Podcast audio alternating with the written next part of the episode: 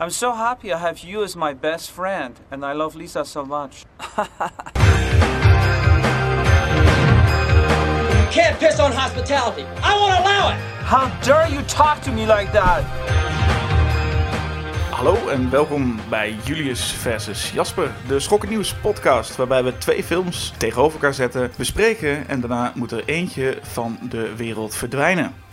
En deze keer gaan we het eens hebben over slechte films. En dat is in principe al een discussie aan zich. Wat is een slechte film? Maar deze twee films die we nu gaan bespreken zijn wel heel erg bekend bij mensen als zijnde, nou, dus een van de slechtste films ooit gemaakt. Waarbij ik nu bijna denk, is het als filmmaker niet beter om een hele, hele slechte film te maken dan een middelmatige film te maken?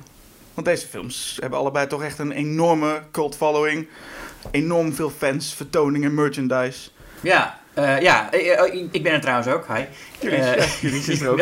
Daar gingen mensen volgens mij toch vanuit met ja, nee, dat, dat is waar. Dat is een Jasper versus Julius. Dus, eh. Ehm, ja, nou ja, ik wil wel zeggen... Kijk, dit zijn... het zijn allebei volgens mij niet de slechtste films ooit gemaakt. Dat weet ik wel zeker. Er zijn heel veel films die veel slechter zijn. Het zijn de bekendste Het zijn de- slechte films. Ja, nou, het zijn de leukste. eh, nou, de bekendste slechte film, dat is eh, Bohemian Rhapsody of zo. Maar ja, het, zijn, het zijn de leukste slechte films. Het zijn de. En de meest belachelijke. Dat is het. Het is, het, is niet, het is niet eens zozeer dat alles slecht is. Het is gewoon belachelijk. Eh, Kijk, ik zeg niet dat het goede films zijn. Nou, dat, is bijna, dat argument is bijna ook niet te maken dat dit goede films zijn. Nee, ze zijn gewoon echt, technisch gezien gewoon echt allebei slecht. Maar ehm, het, het, ik, het viel me op toen ik eh, bij beide films een beetje ging, ging researchen. Ga je gewoon, krijg je zoveel vertoningen, zoveel Hmm. fans. Ehm, mensen die echt helemaal dol zijn op deze films. En dat gebeurt gewoon niet bij elke middelmatige film die maar uitkomt. Nee, zei, nee dan, dan liever eh, meewerken aan iets als eh, Troll 2 of The Room. Want die titels hadden we volgens mij nog niet gezegd. Nee. Maar niet- goed, ook, ook dat staat al in de titel van de podcast. Ik zeggen, het is niet echt een verrassing meer. Maar goed, ja, dat zijn de twee films. En ehm, ik zal het even gaan opnemen in dit geval van, voor Troll. En jullie, jij krijgt dan... Ja, voor The Room als de leukere van de twee. Ja, een van de twee zal dus moeten verdwijnen. Nou, laten we, er, laten we er meteen maar induiken, want er is veel om te bespreken, geloof ik. Ja. En chronologischerwijs eh, kwam Troll 2 eerst. Dus laten we beginnen met eh, Troll 2. Chronologischerwijs wel, ja. Ja, en anders ook. Ja. Dus goed, Troll 2. Dan zou je in eerste instantie verwachten als je over Troll 2 moet hebben, dat je het ook even moet hebben over Troll 1. Eh dat hoeft in dit geval eh, helemaal niet. Maar om kort Nee. aan te stippen, Troll 1 was eh, een film uit 1986 van John Carl Buechler, die dit jaar overleden is. Een, een, ja, een groot, een, groot, een groot naam in de, in de wereld van de, van de special effects, special make-up effects. Hij heeft aan heel veel dingen meegewerkt en heeft natuurlijk de Friday the 13th deel 7 geregisseerd. Ehm, en hij maakte Troll en noemde zichzelf altijd de, eh, de bedenker van Harry Potter. Want dat is in principe de, de, de film Troll waar eh, Harry Potter en Harry Potter Junior eh, in Ja. zitten, twee personages. En die film gaat over een troll in een, in een appartementencomplex. Ehm, maar dat staat eigenlijk helemaal los van Troll 2. Troll 2 was namelijk een film die begon gewoon als een script dat heette Goblin.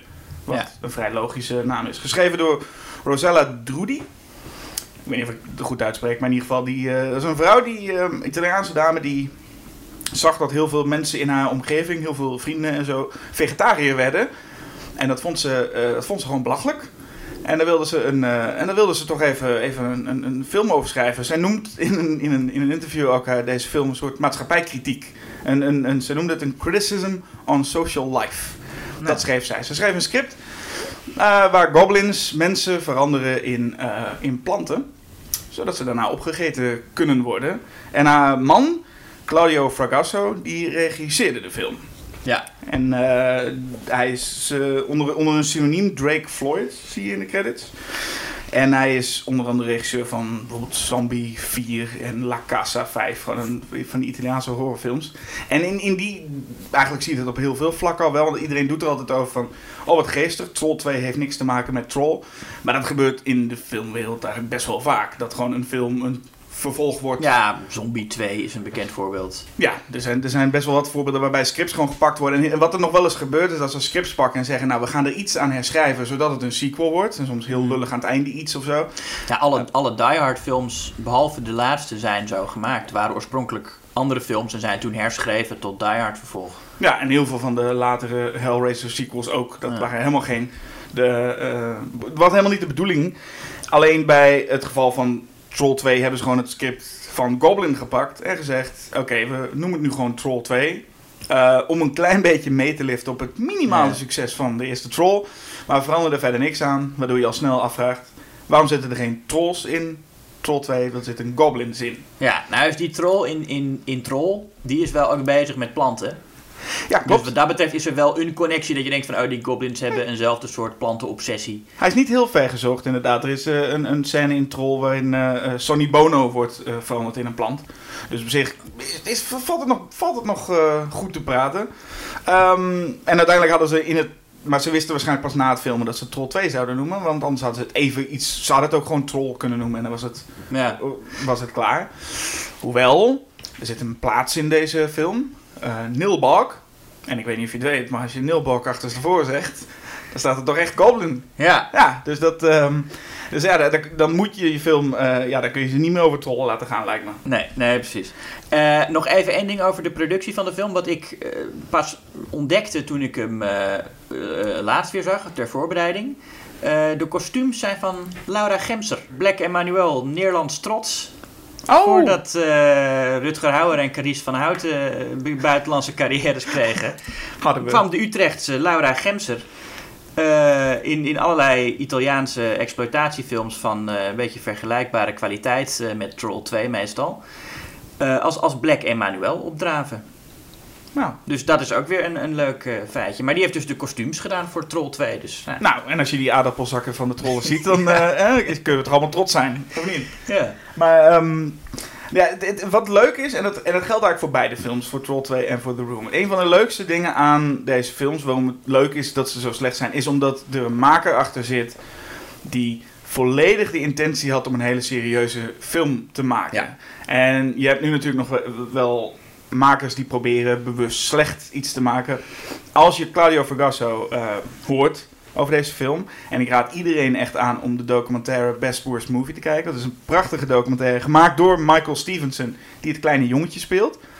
En in die film zie je Claudio Vergasso. En Claudio Vergasso die noemt dit ook een belangrijke film. Voor hem Ja. is het een belangrijke film. Een belangrijke film die gaat over de drie grote elementen van het leven. Het gaat over leven, het gaat over doodgaan, het gaat over eten. Dat is wat hij, eh, zoals hij het Ja. ja, omschrijft. dat is wel waar. En, het, en dat, is, dat is zeker waar. En het, het, is, het is heel mooi om te zien hoe deze, deze man eigenlijk... Ja, het, is, het is mooi, het is komisch, het is ook een beetje tragisch. Maar om, om te zien hoe deze man eigenlijk wordt omarmd door heel veel fans. En dan komt hij naar vertoningen toe, van die speciale Troll 2 vertoningen. Waarbij hij dan eigenlijk zit van... Ja, hij is heel blij dat het zo goed bekeken wordt. Maar mens, als mensen dan gaan lachen om momenten waar je niet om moet hoort te lachen... Dat vindt hij dan opvallend vreemd. En Ja. dat, nou ja, dus, Nou, wat dat betreft vind ik zijn houding eh, beter dan, om even vooruit te blikken naar waar we het straks over gaan hebben, dan die van Tommy Wiseau. Ja. Die volledig zijn cultstatus heeft omarmd en daarin meegaat tot het punt dat het gewoon echt eh, vervelend wordt. En eigenlijk ook een beetje... ik had liever gehad dat Tommy gewoon... Gewoon nooit meer, echt nooit interviews deed, nooit wat dan ook. Dat hij gewoon, weet je, dat, dat we niet wisten waar hij nu mee bezig was. Dat gewoon alleen in, dat hij in de room bestaat. Ja, Tommy Wiseau is bijgedraaid in die zin dat hij maar dacht, ik ga gewoon meelullen. Maar Ja. ook al zou. Beweert ook dat de room grappig bedoeld was. Ja, en, dat, en eh, inderdaad, Claudio Vergasso heeft geen moment dat hij dat... ehm, hij denkt nog steeds, ik heb een goede film gemaakt. Ik heb gewoon een goede, belangrijke film gemaakt. Zijn vrouw denkt dat ook. Eh, alleen alle andere, men, andere mensen denken daar iets anders Ja. over. Nou, wat wel zo is, kijk, het is een Italiaan. En Italianen hebben toch vaak, zelfs in slechte films, een soort begrip voor visuele stijl. Dat nog even een, een tand boven de slechte films uit andere landen staat. Ik vind ook Troll 2 is wel duidelijk een film die gemaakt is door een regisseur die in elk geval een visie heeft en enig begrip heeft van hoe je visueel vertelt. Veel meer dan Tommy Wiseau. Ja, je kunt, je kunt deze film zien en denken van, nou, dit is echt op alle vlakken slecht gemaakt. Dat is inderdaad bij Troll 2 niet zo. Er zitten bepaalde eh, edits ook in, waarvan ik denk, ah, best, best slim gedaan, en, best en, goed en- gedaan. en leuke shots en creatieve vondsten ook. Ja, absoluut. Dus de, de, en dan is de vraag, wat is er dan echt zo slecht aan de film? Nou, een van de dingen wat achter de schermen natuurlijk begon, is het feit dat niemand eh, Engels sprak, zo ongeveer op de set. In ieder geval de regisseur sowieso al helemaal niet. Waardoor de acteurs, en dat waren geen eh, acteurs die zichzelf al konden redden. Het waren acteurs dat eigenlijk gewoon geen acteurs Ja. waren. Onder andere George Hardy, die eh, de hoofdrol speelt in de Best Worst Movie documentaire, is een hele sympathieke tandarts. Ja. Die dan een rol kreeg.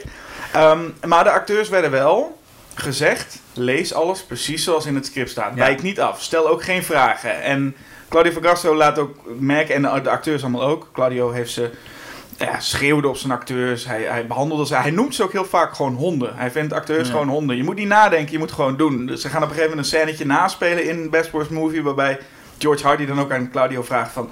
Ja, maar hoe weet ik nu dat daar een brandblusser staat? Want de personage moet meteen naar een brandblusser Ja. lopen die er toevallig staat. Maar hoe weet ik dat dan? En dan Claudio meteen... Nee, nee, nee, nee. Niet nadenken. Niet na- Gewoon doen. Gewoon Ah, doen. Ook heel Italiaans, hè? Ja, hij is in ieder geval heel. eh, en dat, dat vonden de, de acteurs nog wel eens moeilijk. Be- begrijp je ook heel sterk. Maar dan krijg je ook dat ze gewoon de misschien al niet al te beste dialoogzinnen opgelezen worden door acteurs die. ehm, nou ja, ook al niet heel getalenteerd zijn. En dan krijg je wel hele leuke combinaties. Een van mijn, mijn favorieten is ehm, in het begin van de film. De moeder die eh, moet het jongetje, het zoontje, eigenlijk geruststellen van eh, je opa leeft niet meer. En zegt dan, I know it was very difficult for you. It was also very difficult for your father and for Holly and for me, his daughter. En dat is, een, is nou ja, een prachtig voorbeeld hoe, Ja. hoe iets eh, ongelooflijk mis kan gaan. Ik, ik vind een van de mooiste. Grandpa Seth will remain in our hearts, but you must banish him from your mind. Want dat jongetje he- dat heeft nog contact met eh, opa Seth. En, Ja. en die familie die gelooft daar niet in. Even om, om het verhaal nog even eh, voor Ja, de mensen misschien- die de film eh, niet zo goed kennen. Nee, klopt. Nog even in herinnering. ze gaan op vakantie naar het plaatsje Nilbog, deze familie. Ja, vakantie, ze gaan een huiswissel doen. Ja, een Een maand lang met een, gaan ze van een huis wisselen met mensen die op een of andere in een klein plaatsje wonen. Ja.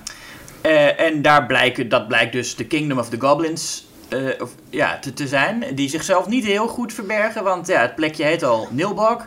Ja. En dan is het ook nog zo van, als je daar eh, eh, boodschappen gaat doen, dan staat er een of andere enge gast die zegt... Here, have some Nilbog milk and make your friends drink some too. En dan denk je van, ah, oké, dus heel goed in, in het, in het eh, stiekem verleiden van mensen om... eh, Ja, het stiekem verleiden, maar ze willen dat mensen in ieder geval gaan eten. Ja, en, en het, eten ziet er ook, het eten ziet er ook niet bepaald uit dat iedereen zou denken... hm, Ja. dat ziet er smakelijk uit, want het is allemaal gifgroen. ja, Ook als de, de sheriff geeft op een gegeven moment een broodje aan een van die eh, jongens. En dan zie je gewoon zo'n normaal broodje. Maar daar zit dan een van de Ja. hele smerige gifgroene groen spul onder. En die jongen denkt, nou prima, ik heb honger. Sheriff Gene Freak heet hij. Dat is ook in het verzinnen van eh, namen voor mensen. Ik neem aan dat ze die namen dan zelf verzinnen, want het zijn andere namen dan ze als goblins eh, hebben. Ja, nee, er is geen zin dat deze, deze goblins moeite doen om iets te verbergen. Dat er iets aan de hand is. Dat gebeurt al op het moment dat het gezin van ehm, het, het, hoofd, het hoofdrolspelende gezin eigenlijk aankomt bij het huis waar ze gaan zitten.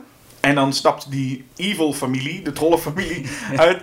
En op een of andere manier, die lopen meteen naar een auto, zeggen ze verder ook geen gedag. En die vader blijft maar, Die blijft maar praten, En die blijft maar vertellen van, nee maar... Dat hij een het is- koelkast heeft. het is, ja, het is allemaal heel leuk bij ons. En dat ga je heel leuk vinden. En ondertussen is ze al weggereden. En Ja. ja, het, is- het is van beide kanten gewoon heel, ehm, belachelijk. Ja, maar goed, misschien hoeven de goblins ook niet zoveel moeite te doen. Want aan het einde eh, winnen ze gewoon wel. Dat is waar. Ik bedoel, de, ze denken dat de familie denkt de boel opgelost te hebben. Want wat er dus gebeurt is, die goblins die veranderen mensen in planten. En vreten ze op. En dat doen ze, nou ja, en ze krijgen hun kracht uit, de, eh, uit een soort eh, steen van Stonehenge. Ja. En die, die steen, de kracht daarvan kan dan vernietigd worden door het, het goede. En dat eh, krijgt gestalte in de vorm van iets, het, het goorste wat er is, een double-decker bologna sandwich. Een enorm eh, smerig Amerikaans eh, soort broodje met, met vies vlees. Je voelde een beetje hoe, die, hoe, hoe zij reageerden als Ja, ze daar aan dachten. ja ik, ik ben dat betreft wel voor de, voor de goblins. Eh, snap ik ook wel. Dat ik zo, zo, niet dat er per se iets is tegen een broodje met vlees, maar die- heb je die plakken gezien? Het is echt een enorme... Het zag er niet veel smakelijker uit dan, het, het zag er niet veel smakelijker uit dan die gifgroene zooi die de goblins Nee, de hele tijd willen voorschotelen. Maar het feit dat ze winnen heeft misschien ook wel gewoon te maken met dat deze, al, al deze personages zo, zo dom zijn als de pest. En ik, Ja, een, van de, een van de dingen is namelijk, die, de, die familie is al gewoon, nee, die is- die is al, behalve het jongetje, is al gewoon reddeloos. Dat zijn gewoon een, een stelletje idioten. Maar het jongetje heeft contact met oh, grandpa Seth. Ja. En, en die opa, een overleden opa, komt in een soort van geestverschijningen bij dat zoontje om ze te redden. Want de opa weet, het is niet pluis in, eh in Nilbog, dus je moet daar wegblijven. Ehm, Dan zou je denken, oké, dus die opa kan alleen maar contact hebben met het zoontje. Dus dan moet het wel via het zoontje gaan. Maar dat blijkt helemaal niet zo te zijn. Die opa kan ook gewoon contact maken met de anderen. Maar Ja, dat doet hij niet. Het wisselt een beetje hoe zijn, hoe zijn Het is een beetje als een dode Jedi in de Star Wars films. Wat, wat kan een dode Jedi nou... Ja, wat je denkt eerst, hij, hij loopt op een gegeven moment, loopt het eh, Joshua, het jongetje, loopt eh, eh, naar, een, een, naar zijn opa toe. En dan komt de rest van het gezin erbij en dan blijkt het gewoon een zwerver te zijn. Dus oké, dan heb je het idee, oké, de regel is dus, hij kan alleen Ja. zijn opa zien en de rest niet. Maar dan komt het hilarische moment dat de opa contact wil maken met, eh, met Joshua als geest. En dan verschijnt hij in de spiegel. Maar dan verschijnt hij in de verkeerde kamer. En dat zegt hij Ja. ook letterlijk. Want hij zat gewoon in de Hij spreekt dan de dochter aan. Die helemaal in paniek, eh, die helemaal in paniek is. Waarbij je eigenlijk zou denken: oh, nu gaan de ouders het misschien ook wel geloven. Maar nee, die. Oh, Grandpa Seth zorgt natuurlijk dat hij dan eh, dat hij niet meer terugkomt. En zegt tegen Joshua ook: Ja, sorry, ik had me vergist. De verkeerde kamer. Ja. Ik, eh, ik ken dit huis nog Nee, niet. maar zo hij goed. zegt ook van, die mensen luisteren nooit naar mij. Nee, dat, is ook een- de hele is reden. uitleg. Het jongetje zegt ook, ga, ga eens naar mijn ouders toe. Vertel hen dat. Nee, nee, nee, maar, maar ze luisteren toch al nooit naar mij. Ja, dat is een goede reden om dat niet te proberen. En daarom moet het jongetje dingen doen als bijvoorbeeld als de, eh, ehm, de familie toch wil gaan eten. Want ja, je moet een keer eten. Ook al is het die gore, groene zooi die ze op tafel hebben staan. Dan eh, zet opa eh, Grandpa Seth even de tijd stil. Ja. Zodat het jongetje een plan kan bedenken. En die besluit dan wat in wel een leuke edit, moet ik eerlijk zeggen, besluit hij dan eh, over het eten heen te pissen. Waarna een van de meest, nou ja, een van de bekendste scènes uit de film komt. Waarbij de vader het zoontje optilt, op bed gooit en schreeuwt: You can't piss on hospitality. I won't allow it. Ja, En daarna krijgen ze een heel raar ding dat hij zijn broekriem. En dat je denkt: gaat hij hem nou slaan? Gaat hij hem nou met zijn riem slaan? En dan vraagt het zoontje: wat ga je doen? En dan zegt hij: nee, ik ga mijn riem één knopje verder doen voor to, to, eh, to avoid hunger pains. ja. En, even een punt maken. ja, even een punt maken. Het is echt wauw. Ja. Ja, ehm, maar goed, eh, dat is, eh, die, die familie is niet op de hoogte van dat het allemaal mis is. Dus ook al krijgen ze dat gore groene eten, dan zijn ze, zij ze lijken allemaal heel erg bereid dat op te eten. ja, geen probleem mee. Ehm, en ook, er zit, ja, je krijgt ook op een gegeven moment zo'n zo'n zo'n verrassingsfeest in, in het geleende huis. Dat is mijn favoriete scène. Ja, snap ik. Dan komen ze daar binnen en dan zijn alle dorpelingen in hun huis al aan het dansen en eh, enorm repetitief liedje aan het zingen. En dan zeggen ze, kom we gaan eten. En dan zie je zo die familie op stoelen zitten. En dan staat al die dorpelingen eromheen te klappen uit het ritme. Ja. Heel lang, Ja. terwijl er zo taart voor ze neergezet wordt. En op de achtergrond zie je ook zo'n vrouw die dan een soort van gebaren maakt van ja, eet, van eet, eet. eet. En dat, en, maar ik vind, het, de, ik vind de blikken op de gezichten van die acteurs van de familie, Ja. die maken die scène goed. Want dat, die zijn, die, zij hebben gewoon geen regieaanwijzing gekregen van hoe, hoe moet je dit doen. Wat, wat- ja. Dus ze hebben echt allemaal een compleet uitdrukkingsloze blik van zitten ze mij een beetje te kijken van goh. Ja. Nou, oké. En, dan- en vlak naast hun hoofd er wordt zo geklapt en, en gezongen. Ja. En er wordt ook een aantal keer naar, terug, naar teruggeknipt. Ja, want ze, er wordt eigenlijk in het begin dat we die scène zien, wordt er al taart eigenlijk voor ze afgesneden. Sowieso zie je 30 taarten op die tafel staan. En op elke taart staat, niet, staat eat. Ja. en eat now. Ja. dat is, dat is wat, wat je op taart zet, inderdaad. En dan, wordt er naar, en dan krijgen ze al, in het begin van die scène wordt er al een stukje afgesneden. En wordt er al een bordje naartoe gebracht. Dan gebeurt er nog heel veel tussendoor. Ja.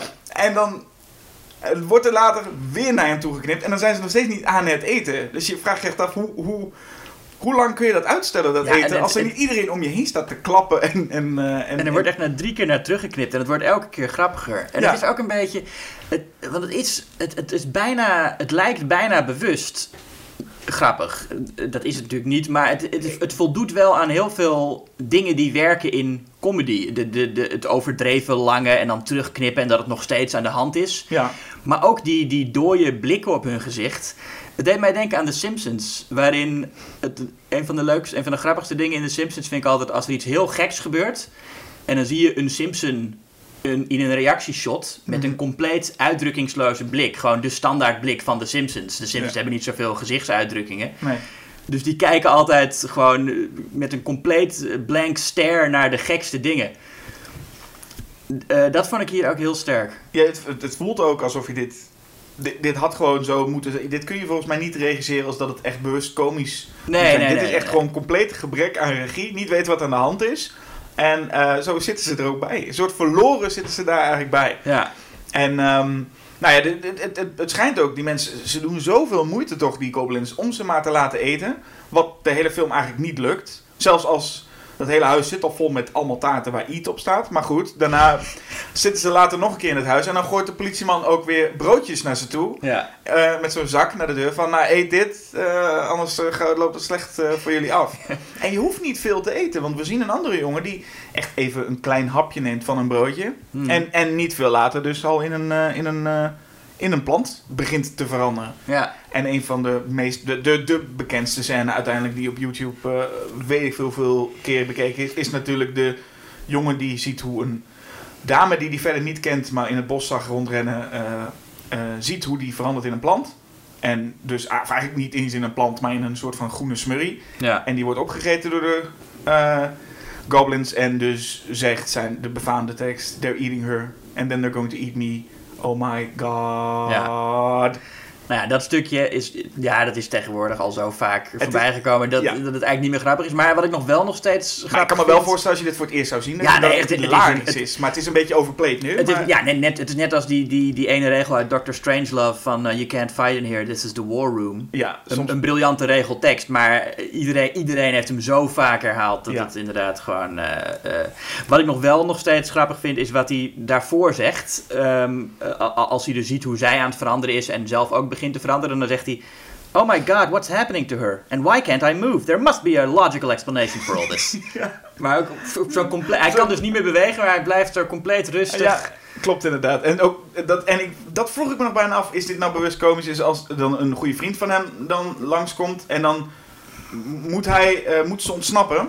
En zie hoe hij aan die pot zit te rukken terwijl die, die andere vriend aan het boom staat. Het is zo'n hilarisch beeld dat ik bijna dacht, je moet toch zelfs Claudio Vergasso achter de camera gegniffeld hebben. En niet denken, dit is een, dit is een, eh, dit is, dit is een belangrijke, serieuze film. En er eng. zijn ook wel een paar scènes die, die misschien grappig bedoeld zijn. Ik denk dat eh, de, de scène waar ze in de auto onderweg zijn naar eh Nilbog. En dat de moeder zegt, Joshua, start singing. En dat Ja. hij eh, row, your, row, row your boat moet zingen. En dan gaat de hele familie dat een beetje in een soort levenloos kanon meedoen. Maar er zit alleen, en, dan- en dan dat shot van Holly's bedroefde gezicht. Ja, Terwijl die familie dat aan het zingen is. Ik denk dat dat... eh, Nou, en daar, be- dat was een van de, de. Ook weer zo'n edit die ik wel sterk vond. Was het moment dat zij eh, volgens mij zegt van. Bij haar ouders thuis. Ze heeft een vriendje. En het vriendje kan maar niet kiezen tussen. Of ja, ik weet niet of hij kan kiezen. Hij, ga- hij gaat gewoon heel veel met zijn vrienden om. Maar op een of andere manier wordt hij steeds door dat dilemma gezet. Je moet echt kiezen. Ga je nou voor je vriendin of ga je voor je vrienden? En dat hij belooft, nee, ik ga voor jou en ik ga mee op vakantie. En dat zegt zij dan ook van, ja, hij gaat echt mee op vakantie. Hij gaat echt mee. En dan wordt er meteen geknipt naar dat zij alleen in die auto heel bedroefd zit. En dan denk Ja. je, oh, dat is echt wel een typische, een typische eh, goede comedy edit Ja. eigenlijk. Dus ik, dat, dat, maar het feit dat die vriend dan volgens dan meegaat met een camper, met, met een paar andere vrienden. Waarbij ze proberen, hij weet zijn andere vrienden mee te krijgen, omdat ze toch wel een soort van chicks kunnen scoren. En dan baalt er eentje dat ze nog geen chicks hebben gescoord, terwijl ze met een camper midden in het bos staan. Dus ik weet ook niet wat hij verwacht had eigenlijk. Ik vind het zo leuk dat zij hem slaat. Dat Holly daar komt en hem meteen op zijn bek slaat. Keihard. Ja. Ja. Oké, de- ik, eh, we moeten nog naar de room. Dus Ja, dat, eh, nee, maar maar we- ik, ik wil nog één ding wat ik, wat ik echt hilarisch, hilarisch vond aan het einde. Er is een einde waarin eh, de, alles is gebeurd. Nou, er is iemand in de fik gevlogen, er is iemand in, eh, eh, bijna vermoord, mensen zijn bijna opgegeten. Eh, Grandpa Seth kwam even uit de dood terug. En dan rijden ze met z'n allen terug naar huis. En dan zijn ze eenmaal thuis en dan staan ze dus echt met de auto op de inrit. En dan zegt de vader, ik moet nog even naar kantoor. dat vind ik zo bijzonder geestig. Dat ze met een, echt van zo'n horrorvakantie waar alles gebeurd is. En dan zegt die vader, ik moet nog even naar kantoor. Ja. En vervolgens gaat Elliot, de, de vriend, naar een kant op en Holly gaat een kant op. Zodat moeder en zoon alleen kunnen blijven voor het soort van dramatische einde. Dat de, dat de goblins nog even terugkomen. Maar het feit dat ze dan denken, hoe komen we nu snel van die personages Ja. af?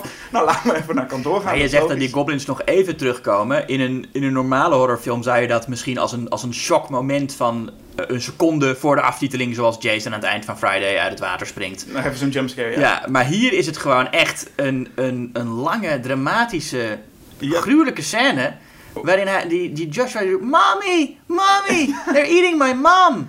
En Ja. het is ook heel pervers, want die moeder die ligt, die ligt daar ook naakt. Ja, en, en die goblins zitten flink te, flink te, Flink te schransen. En ja. die zeggen dan ook, hey Joshua, you want a piece? En dan nog een hele lange schreeuw. Het, is- het, ik vond, het echt heel naar. Het, het is een, ja, maar een passend einde. Ja. Ja, nee, Maar da- die scène maakt de film aan de ene kant... eh, wel, ik vind het ook echt naar, maar het, het maakt het ook echt zoveel beter dat het Ja. zo eindigt. ja, het is een, een, een perfect einde voor een perfecte film, zou ik bijna zeggen. Ja. Nu, nu door naar die andere perfecte film. Ja, nou ja, The Room is eh, nog veel meer dan Troll 2 eh doodgeciteerd. En eh, Ja. weet je wel, You're Tearing Me Apart, Lisa en al die andere dingen. I did not hit her, I did not. Ja, nou goed, er is natuurlijk ook de film The Disaster Artist over gemaakt. James Franco, die Tommy Wiseau imiteert.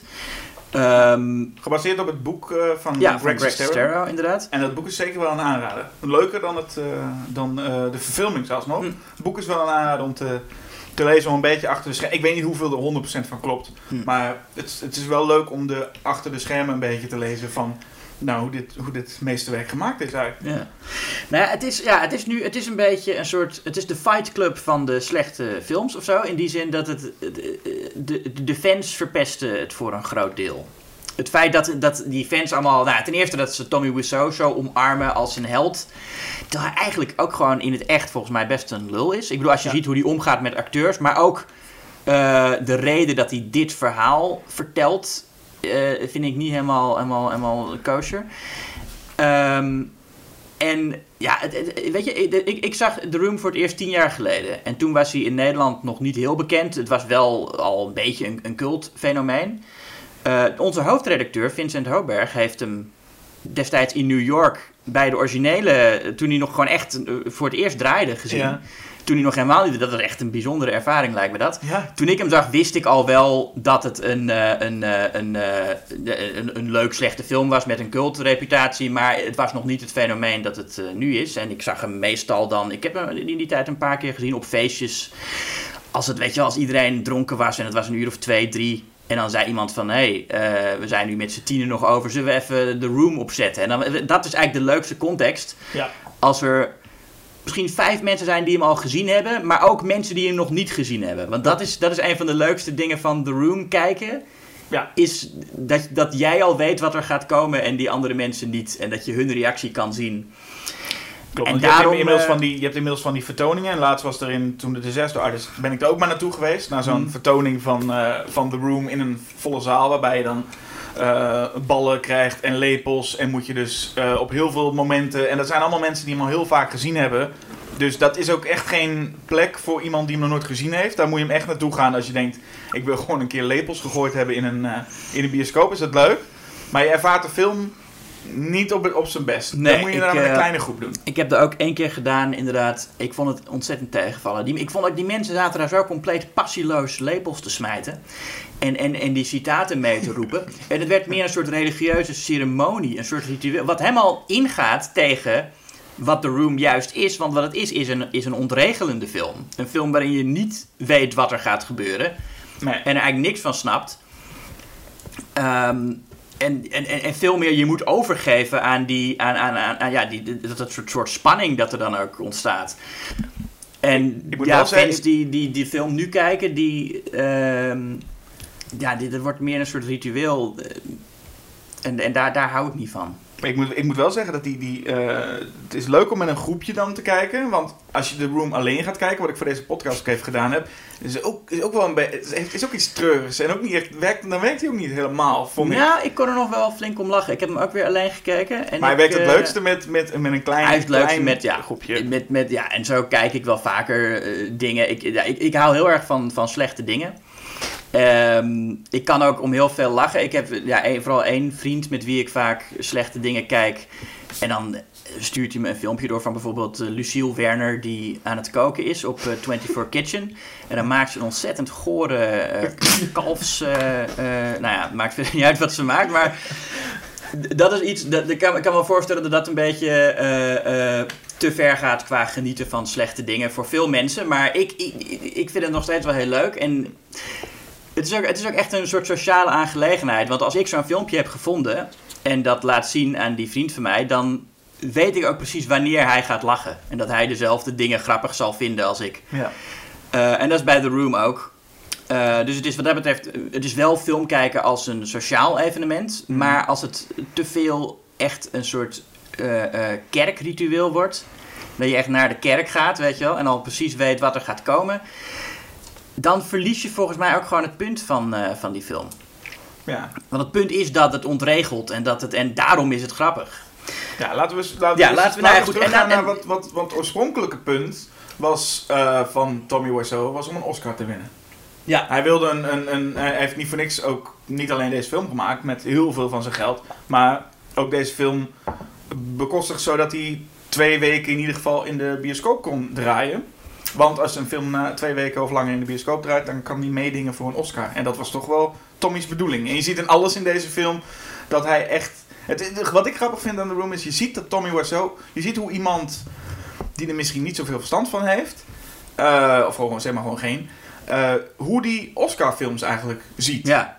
En dat Ja. zie je heel erg in dat hij alles wat daar maar eh, bij hoort, erin stopt. Van de, de, de zelfmoord aan het einde tot de. Hij moet, een, hij moet naakt in, hij moet zichzelf naakt laten zien, hij moet zichzelf Ja. kwetsbaar laten zien. Dat soort dingen stopt hij er allemaal in. Dus ik snap ergens stiekem wel wat hij probeert om hoe hij een Oscar binnen wil hengen. Nou, wat dat betreft is het eh, deels een for- formulefilm, maar het is ook echt een auteursfilm met een, een visie. En ja, eh, hij heeft het zelf nooit gezegd, maar over het algemeen wordt toch aangenomen dat het autobiografisch is. En dat die Lisa, zijn vriendin, die Hij- hem in deze film eh, bedriegt, Tommy Wiseau is een keer bedonderd. Dat kan ja, niet dat dat een ex van hem is. En, dat, ja, en waarschijnlijk eh, heeft, is, is zijn beste vriend er ook bij betrokken geweest toen. En heeft hij dit gewoon op zijn eigen ervaringen gebaseerd. Ja. Ehm, het is wat dat betreft, ja, het is echt een, een, een film die eh, vrouwen haat. Zou ik wel durven zeggen. Er worden de twee hoofdpers. Nou, Mark zegt op een gegeven moment letterlijk van eh, vrouwen zijn of slim of dom of gewoon evil. Ja.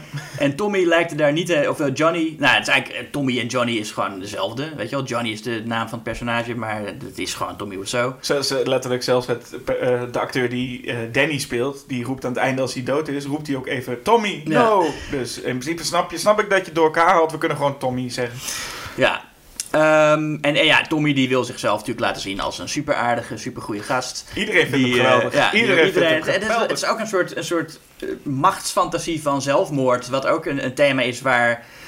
Wat wel vaker voorkomt in fictie, maar nooit echt zo naakt en duidelijk als nu. Van als ik zelfmoord pleeg, dan zullen ze spijt hebben, weet je wel? Het is een Ja. beetje zo'n zo'n tienergedachte. Ja, dus zijn vrouw dus, eh, eh, Lisa. Lisa. komt er nog het slechts vanaf als ze met haar moeder praat. Want haar moeder Ja. blijft maar zeggen ehm, van, "What, you, you can't support yourself. Je, nou, je gaat toch niet bij, bij deze man weg? Deze man heeft, ko- koopt koopdingen voor je. Wat, wat, wat, wat dacht je dan? Dat je jezelf ging, ga- zou gaan redden? En dat, dat maakt het hilarisch. Dat, die op een gegeven, dat ze ook in het begin al zegt tegen haar moeder, hè, moeder, ik, eh, ik hou niet meer van, eh, van, eh, van Johnny.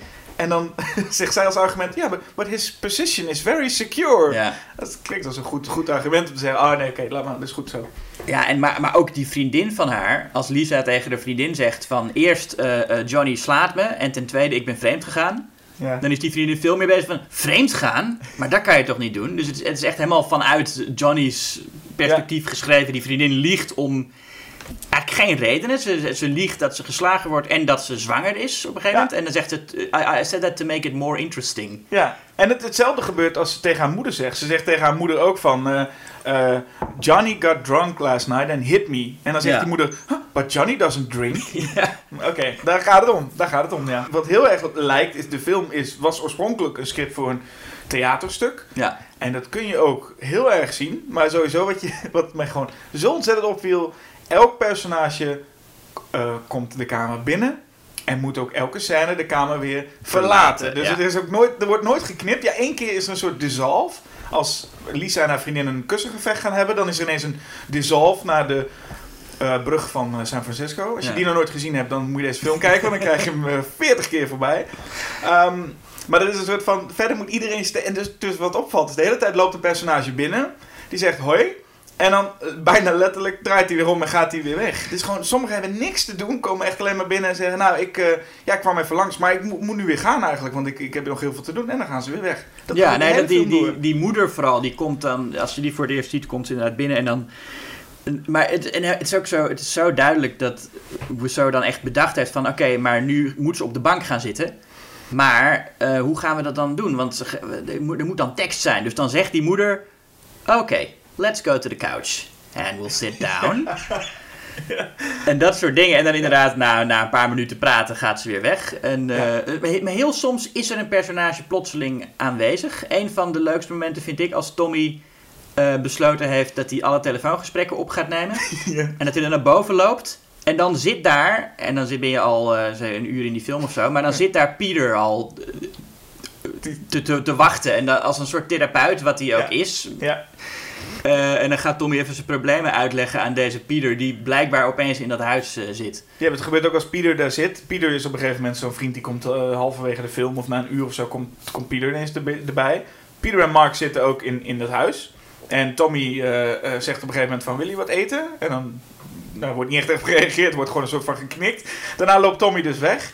Daarna komt, komt Lisa binnen. En dan besluiten Pieter en, en, en Mark om maar weg te gaan. Waarbij je dan Ja. ook inderdaad denkt, dan komt Mark straks terug met allemaal, heeft hij allemaal eten gemaakt. En dan, en waar zijn ze nou? Maar misschien dat iedereen wel gewend is aan het feit dat iedereen in en uitloopt. Dan, want Lisa komt dan binnen met Danny.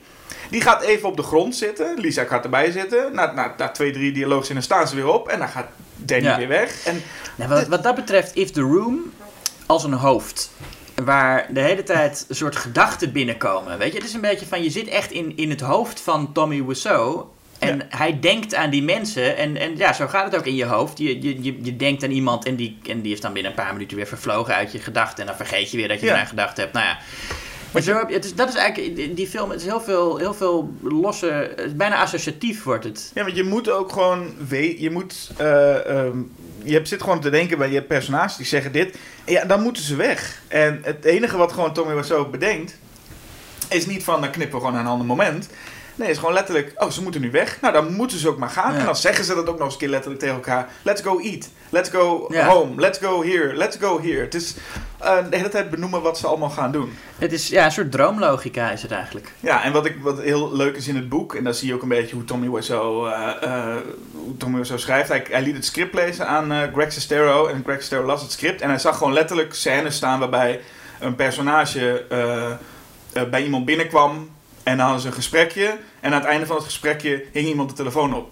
En dan was hij gewoon tijdens het schrijven gewoon al vergeten dat, dat, dat, eh, dat het begon als gewoon een fysiek dialoog en het eindigt ineens in een telefoongesprek, zoiets. En dan, je hebt gewoon nu het gevoel, ja, er zal iemand geweest zijn die tegen Tommy Wiseau heeft gezegd van, eh, ja, dat moet je niet zo doen. Maar dat had ook bijna zo in de film gekund, want zoveel van dat soort fouten en dat soort rare dingen zitten alsnog in The Room. En The Room is wat we al zeiden, net als met eh, Claudio Vergasso. Eh, Tommy Wiseau die dulde ook niet echt tegenspraak. Was ook Nee. gewoon, ik wil het zo maken, ik wil het zo doen. En er was ook niet, ja, iedereen kreeg er volgens mij ook wel vrij goed voor betaald.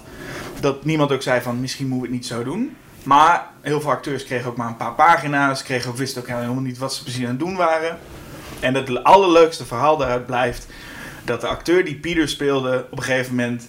eh, nou, de tijd was om en hij kon Ja. niet verder. Waardoor Tony wel zo gewoon letterlijk dacht: Oh, maar we hebben nog een belangrijke scène. Dan doe ik wel met een andere figuur. En dan komt er dus aan het einde van de film ineens een personage waarvan je echt de hele tijd denkt: Wie ben jij nu weer? Maar die komt echt binnen alsof een soort van.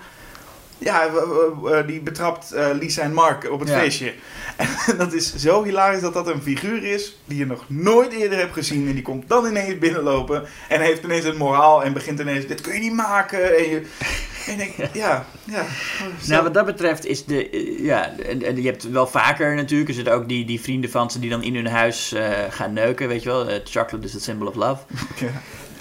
Eh, de, de- die, het- dus ook, waarom gaan die seks hebben in dat huis? Eh, maar dan Ja. komt ook die moeder binnen en die vraagt dan ook: What are these characters doing here? Ja, Wat precies. een, een eh, moment van dat je haast denkt van, is dit nou zelfbewust? En dat is natuurlijk niet.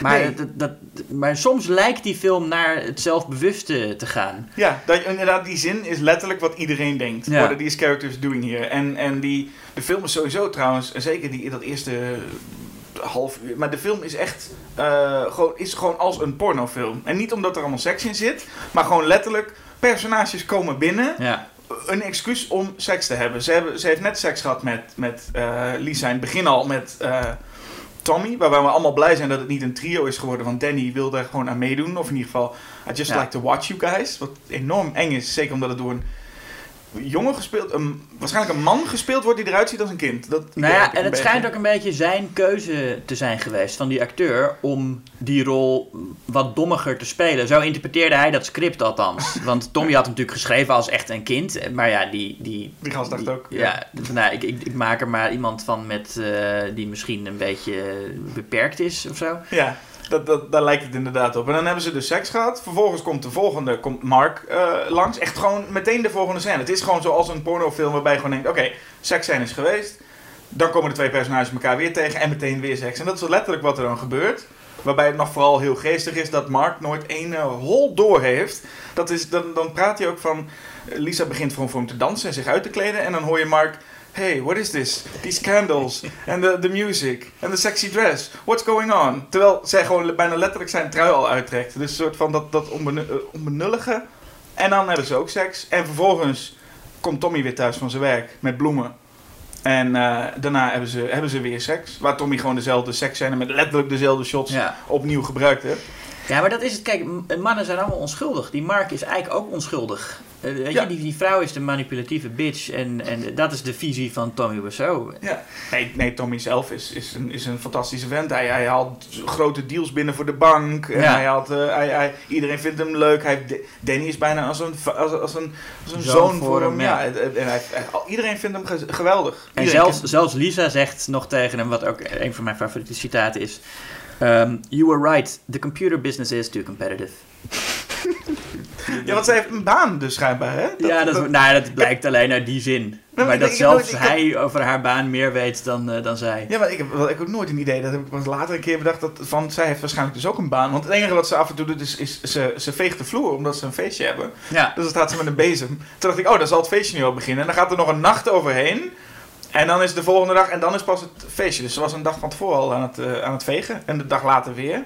Maar goed, er zitten gewoon willekeurige shots van San Francisco die ze geschoten hebben. Zowel dag als nacht hebben ze gewoon... Nou, het voelt bijna lukraak gewoon ergens neergegooid. Gewoon, Ja. hier moet iets tussen, dan maar een shot van, eh, van, van, de, van Alcatraz. We hebben, Ja. Waarom niet? Nou, en het is, eh, je had het net over nou ja, dat, dat mensen zomaar, dat zij blijkbaar een baan heeft en dat het elders gaande is. Wat dat betreft lijkt The Room heel erg op een film uit het eh, Marvel Cinematic Universe.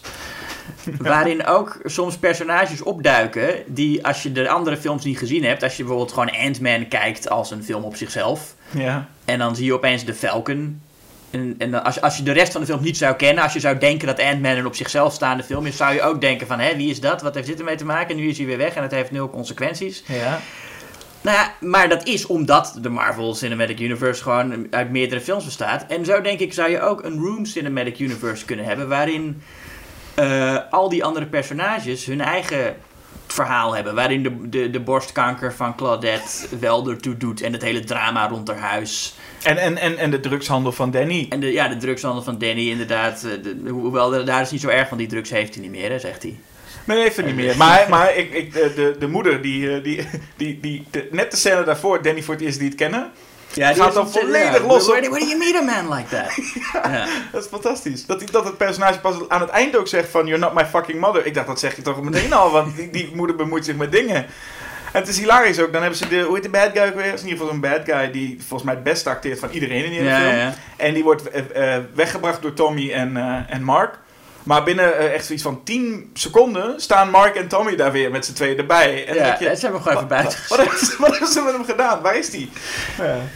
Maar eh, wat, nee, wat dat betreft is The Room wel een film die eh, wat meer aansluit bij het echte leven. Waar ook soms hoor je dat iemand kanker heeft en daarna hoor je er niks meer van, weet je wel. Dat is ook gewoon het echte leven. Ik weet niet hoeveel mensen het echt als, iemand, als iemands moeder tegen je vertelt: Ik heb borstkanker, dat iemand nee. dan zegt: uh, Oh, don't worry about it. Nee, worry niet, about niet, niet iemands moeder, maar wel gewoon, eh, je, hoort, je, je hoort van mensen uit een, uit een verleden en je hoort dat iemand op vakantie gaat en, en of je hoort, oh, die werkt nu daar en daar. Maar Eh, probeer je nu iets te zoeken als wat, wat, wat probeer Nee, je ik- meer, meerder uit te halen dan Tommy Wiseau ooit Ik denk, niet dat, nee, ik denk niet dat dit Tommy Wiseau's bedoeling was. Hij gooit gewoon eh, ja, kanker erin omdat dat in kanker, een, in een Oscar. Oscar-film zit. Ja, Ja. precies. Maar het is wel, eh, op, op, op die naïeve manier raakt het wel echt aan ehm, hoe, hoe, je, hoe je denkt ook. Ja, nogmaals, hoe mensen gewoon je gedachten binnenkomen en weer weggaan. Zo is het heel associatief. En soms denk je van, oh ja, hoe, hoe zou het afgelopen zijn met die die ik nog ken van de middelbare school? Oh, ik, ik, ik zoek hem, misschien google je hem even, weet, weet je wel. Daar heb ik ooit nog een keer bent. met een, een, een bal over gegooid in mijn smoking, toch? Ja. dat gebeurt wel eens. Ja. Nou ja, goed, dat, maar dat, dat, dat waardeer ik wel echt aan The Room. Die, die, die droomachtige, associatieve... Het is gewoon echt zoals, zoals... Het is veel dichter bij de belevingswereld van mensen... dan een heel net gestructureerde film. Ja, nee, gestructureerd is het niet. Ik vond het zelfs vermoeiend om deze film te kijken, omdat er gewoon geen... Er, er zijn geen... eh, Eigenlijk is er geen plot. Je denkt na een uur, denk je nog steeds, waar gaat het eigenlijk, waar gaat het eigenlijk over? Ja. En er zijn ook geen drie actes. Je, je mist gewoon... Je mist gewoon actes erin. Ja. Je hebt gewoon geen idee waar het naartoe gaat. Het had nog twee uur door kunnen gaan op deze manier. Het had ook al eerder kunnen stoppen. Ja. Het maakt niet uit. En dat maakt het... Dan merk je toch hoe je gewend bent aan die drie acten structuur. Aan hoe zo'n film eigenlijk moet verlopen. Nee, Dat heeft dat is helemaal het, niet. Het, het, het, het, ontregelende, inderdaad. En dat is toch wat grote kunst moet doen, zeggen sommige mensen. Daar ben ik het trouwens niet mee, niet mee eens. Maar dat is wel wat grote kunst kan doen. Ik vind niet dat kunst iets moet doen. Maar ik vind het wel, eh, kunst die echt kan ontregelen, eh, is wel wat waard. En of het dan expres is of niet, dat, eh, dat doet er eigenlijk niet eens zoveel toe. Nee. Eh, The Room is. Weet je, ik denk dat of iets kunst is of niet, dat, is, eh, dat ligt aan de toeschouwer. Je, je kan naar een schilderij van Picasso of Rembrandt kijken en er helemaal niks uithalen. Weet je wel, je kan naar een compositie van Debussy luisteren en het gewoon eh, troep vinden. Mhm. En dan ervaar je het dus niet als kunst. En je kan naar The Room kijken en er. En echt ontregeld raken. En het, en het, en het kan zo'n. Nou ja, zoals je ziet aan al die fans. Het heeft toch een behoorlijke invloed op. Nou, ik denk niet dat de, de, die fans die naar al die eh, screenings gaan, The Room echt als kunst ervaren. Maar. eh, Maar nu maak je dan ook niet nu hetzelfde als wat je zei, wat Tommy Wiseau eigenlijk doet. Is dat Tommy Wiseau nu, nu zegt, ja, het was ook komisch bedoeld, wat natuurlijk vervelend is. Maar als Tommy Mm. Wiseau nu zegt, ja, maar het was ook kunst om te ontregelen, Nee. dan zou je het ook... eh, Je wil dat het een product is. Tommy Wiseau wil een Oscar-film maken Ja. en faalt op alle vlakken ongeveer die er zijn om een film te maken op technisch vlak, op, op, Mhm. op, op, op verhaalvlak, op alles faalde hij. En dat maakt het super interessant op zijn Ja. tweede film. Nou, dat maakt het- dat, dat, dat zie je, dat is ook de menselijkheid van die film. Dat je je echt tijdens het kijken kunt voorstellen wat Tommy Wiseau dacht toen hij dit schreef. Ja, maar dat, is, Eh, dat is gewoon meer. Ik, ik dacht als, als, als kind, of dan schreef ik ook wel eens van die verhaaltjes, of heb ook wel eens een filmscript geprobeerd te schrijven, waarbij, je ook, waarbij ik letterlijk ook dacht dat elk personage toch de ruimte moest verlaten. Dus Ja. je kunt, ik kan me best voorstellen hoe hij dacht. En ook al die Oscar-dingen. Ik moet kanker moet erin, Ja. zelfmoord moet erin, eh, er moet naakt in. Ik moet, eh, mijn personage moet natuurlijk wel een beetje eh, tof zijn. Ja, dat, ik, ik snap allemaal wel wat hij doet. Ja, nee, dat, dat, dat is ook mooi. Het is ook heel, het is- hoewel Tommy Wiseau een lul is, is het wel heel herkenbaar. Je, je snapt inderdaad waarom hij die keuzes maakt. En, en, maar da, dan ben je... da- dat is een beetje het niveau kijken van dat je hem gewoon uitlacht. Want je snapt waarom hij die keuzes maakt, maar jij weet beter. Ehm, en dan is het. Maar, het, het is, maar er zijn ook een aantal dingen waar je niet snapt wat hij doet. Zoals? Waar het echt ontregelend wordt. Nou ja, bepaalde regels dialoog. ehm, die op, ja, op zo'n manier geschreven zijn. eh, de- eh, ik, ik heb een paar van mijn favoriete citaten opgeschreven. Nou, kom maar door. Ja, het is wel. Kijk, ehm, er zijn natuurlijk heel veel citaten die iedereen kent. eh, eh, en, en Me Apart, Lisa, en, en dat soort dingen. En eh, dat, is, dat vind ik eigenlijk niet meer leuk. Ja, als je die film ook gaat zien met een publiek, dan roept iedereen dat mee. En er zit ook totaal geen passie meer in, weet je wel. Het is gewoon een soort... maar toch heeft die film elke keer wel weer een paar regels waarvan ik denk... Oh, dat, dat was me nooit eerder zo opgevallen. Omdat de eerste keer ben je nog bezig met lachen om de vorige regel of zo. Ehm, bijvoorbeeld de manier als, als eh, Mark eh, in de koffieshop staat en eh, mint tea bestelt. En dan zegt het meisje achter... Ze, wo- ze worden dan door, door twee vrouwen worden ze geholpen. Dus ze geven een bestelling door aan twee vrouwen. Ja, eerst krijg je nog twee andere stellen die eerst voorbij ja, moeten komen. nee, nee, ja, het- het- even establishen dat het een, echt een, een winkel is waar mensen eten kopen. Ja, ja. Of een café. Ja, en, en dan komt Mark en Tommy en dan zegt Mark, eh I'd like the mint tea. En dan zegt zij, oké. Zo van, oh, oké, dat doe je. Nou ja. En dan heb ik, eh, wat, even kijken. Ehm, oh ja, het feit dat eh, Mike, dat is die kerel die binnen hun huis komt om, eh, om, om te neuken, Ja. die begint, die, en, en die wordt dan betrapt door, hun, door de moeder van Lisa, Claudette. En, en die gaat dan later die anekdote vertellen aan Tommy. En dan noemt hij die moeder ook Claudette. Terwijl hij haar net heeft ontmoet. Dan zegt hij, ja, Lisa en Claudette walked in aan me. En iedereen noemt haar Claudette. Vind ik ook zo leuk. Ehm, Terwijl het woord fiancé bestaat niet in het vocabulaire van, eh Nee, van eh, future wife. Future, future wife. Eh, en dan, ja goed, de, de, de dialoog tussen Mike en Tommy, ehm, die ik altijd heel erg kon waarderen. eh, ehm, dan houdt Claudette zijn onderbroek omhoog. En dan zegt Mike, vertelt dat dus aan Tommy. En dan zegt hij, eh, she's, showing, she's showing everybody me underwears. En dan zegt Tommy, "Uh, you must be kidding, underwear, that's life. ja. ja. Eh, dus Dat vind ik heel leuk. Wat ik, ook, wat, ik, oh ja, wat ik ook heel gaaf vond, is dat ze dan... Op een gegeven moment zitten ze met z'n allen in, in een, in een, in een eh, smoking. In het huis van Tommy. Mhm. Ook in een heel... In een, ook in een, in een compositie die je wel snapt, want zo is iedereen in beeld. Maar ja. die helemaal niet echt zo... Dan, dit is qua, qua blocking eh, zit gewoon eh, eh, Peter helemaal vooraan in een stoel. Zit met zijn rug toe naar de rest. Ja, met, de met zijn rug naar de rest. En dan komen die andere mensen binnen. En dan zegt Danny, you wanna play some football? En dan zegt Peter, in Texas? No, you must be kidding. dat vind ik ook zo goed. Ja, maar ik snap het wel. Ik snap, ik bedoel, überhaupt, ja. Die, je vraagt je ook af waar die scène, waarom, waarom ze in Texas zijn. Want er is een soort Ja, nou, da- en dat is inderdaad iets waar je dan... eh, Dat is, dat, dat is een niveau waar je de keuze niet meer begrijpt. En waar het ook niet meer grappig is omdat het slecht is, maar gewoon omdat het raar is. Ja. Dat je echt denkt van waarom Ja. heb je dit gedaan? Dat is eigenlijk de vraag die eh The Room vaak oproept die, die het leukst is. Het is ik vind het leuker als je, als je echt niet weet waarom hij iets gedaan heeft... dan als je het nog wel een beetje kunt verklaren... omdat het een Oscar-cliché is of omdat het uit zijn eigen leven komt of zo. Klopt, ja. Ik denk trouwens, ik, ik heb ook nog iets wat heel geestig is als je dat op gaat letten. Alleen dat is dan geen dialoog. Dat is juist geen dialoog. Let op, eh, als er heel veel personages zijn, let op hoe personages een babbeltje maken die niet gehoord moet worden. Ja, dus ja, eigenlijk ja, gewoon eh, hoe ze met elkaar...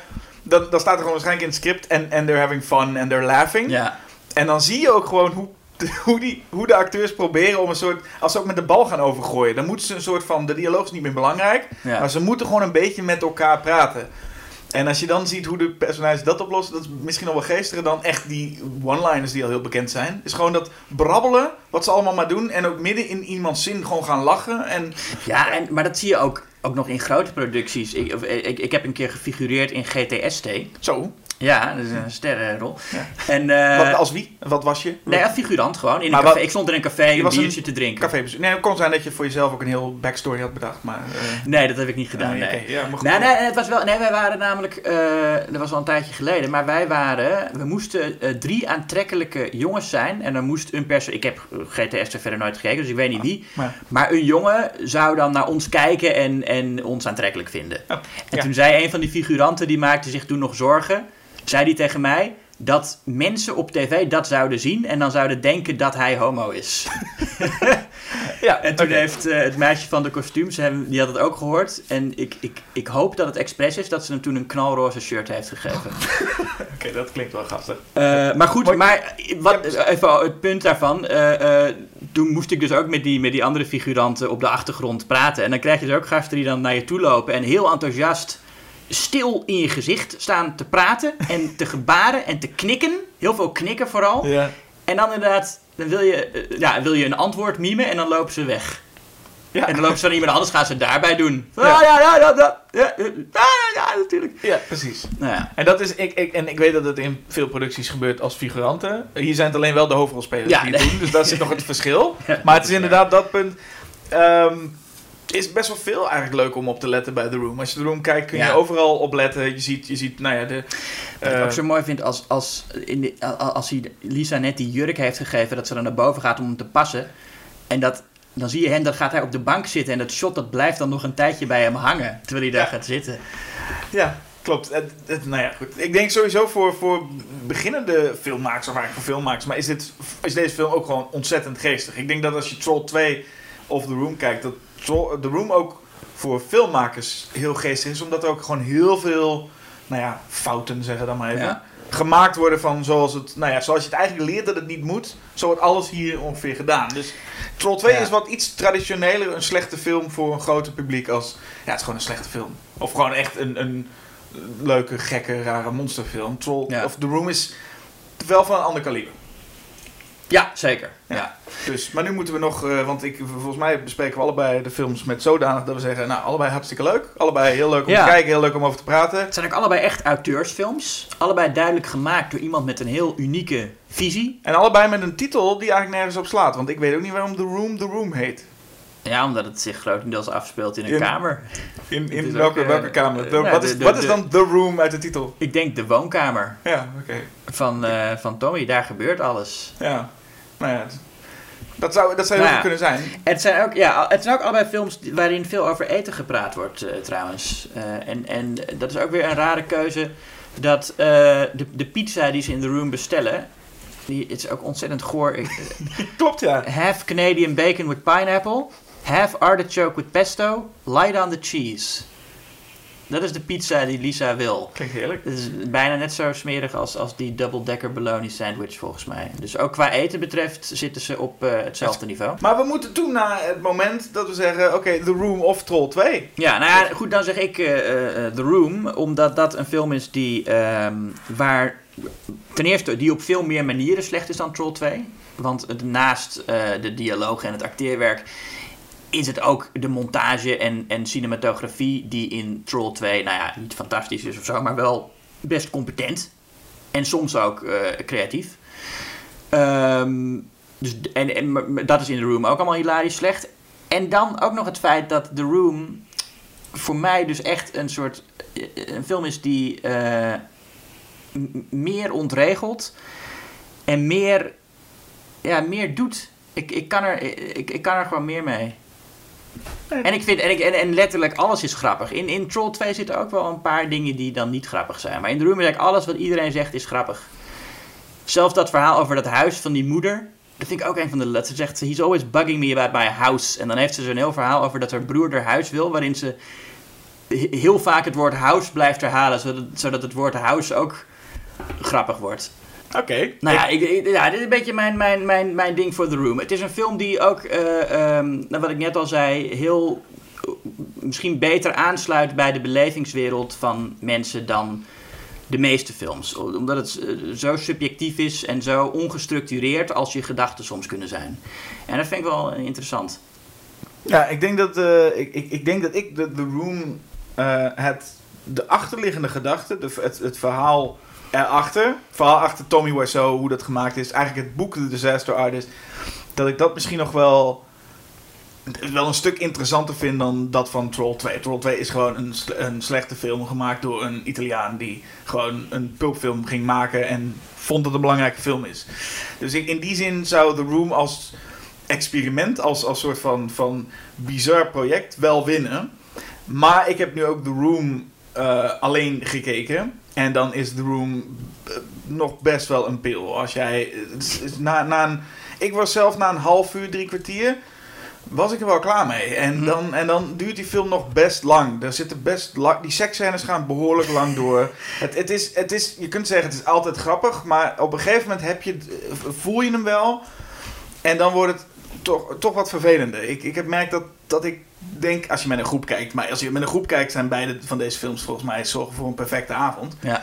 Maar ehm, ik merkte gewoon dat, dat ik hem snel. Ik, ik zou Troll 2 opzetten en dan zou ik eh, me echt gewoon anderhalf uur enorm vermaken. De film doet dan, misschien juist omdat hij niet zo slecht is, doet nog net iets meer moeite om je ook nog een beetje eh, te entertainen. En dat doet Hmm. The, The Room eigenlijk niet. Ik, denk- ik heb het idee dat Tommy Wiseau dacht, oh ja, Oscar-films zijn vaak ook wat, misschien wat langdradig of wat, wat, wat saaie stukken. En die, die heeft hij er ook zeker in zitten. Het, ik- het is meer bij The Room dat ik denk, de grap, de grap is eigenlijk vrij snel duidelijk. Mensen die in en uitlopen, eh, ineens seks hebben, slechte dialogen. Dus wat mij betreft vond ik Troll 2 eigenlijk een stuk vermakelijker. Is een film die ik meer zou opzetten. Dus als ik moet kiezen om er eentje te verwijderen, ik wil het liefst allebei wel behouden.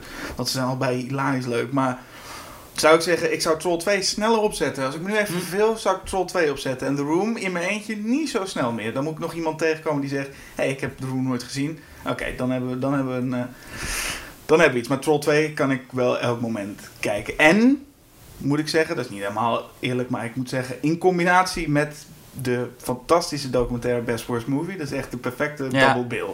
Dus die, eh, die zou ik bewaren, ja. Het is duidelijk waar we staan. Het is duidelijk waar we staan, maar het is wel een moeilijk hoor, want eh, het, het, zijn, het zijn pareltjes. Ja, Eh, op, op hun eigen manier. ja. Dus eh, wat, zou, wat zou de luisteraar doen, vraag ik me Daar af. ben ik ook benieuwd naar. Of het Troll 2 is, of The Room, of wellicht een andere film. Want ik moet heel eerlijk zeggen, je zei het al eerst ook van, dit zijn absoluut niet de slechtste films die er ooit gemaakt zijn. Ik weet niet of je bekend bent met het werk van Neil Breen.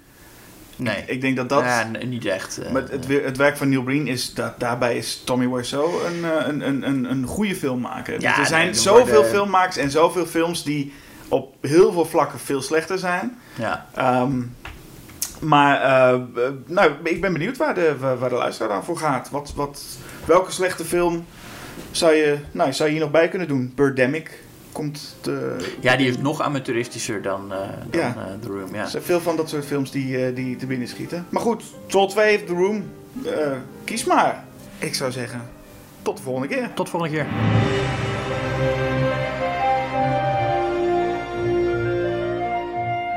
If a lot of people love each other, the world would be a better place to live. Do you want some, Joshua? Ah!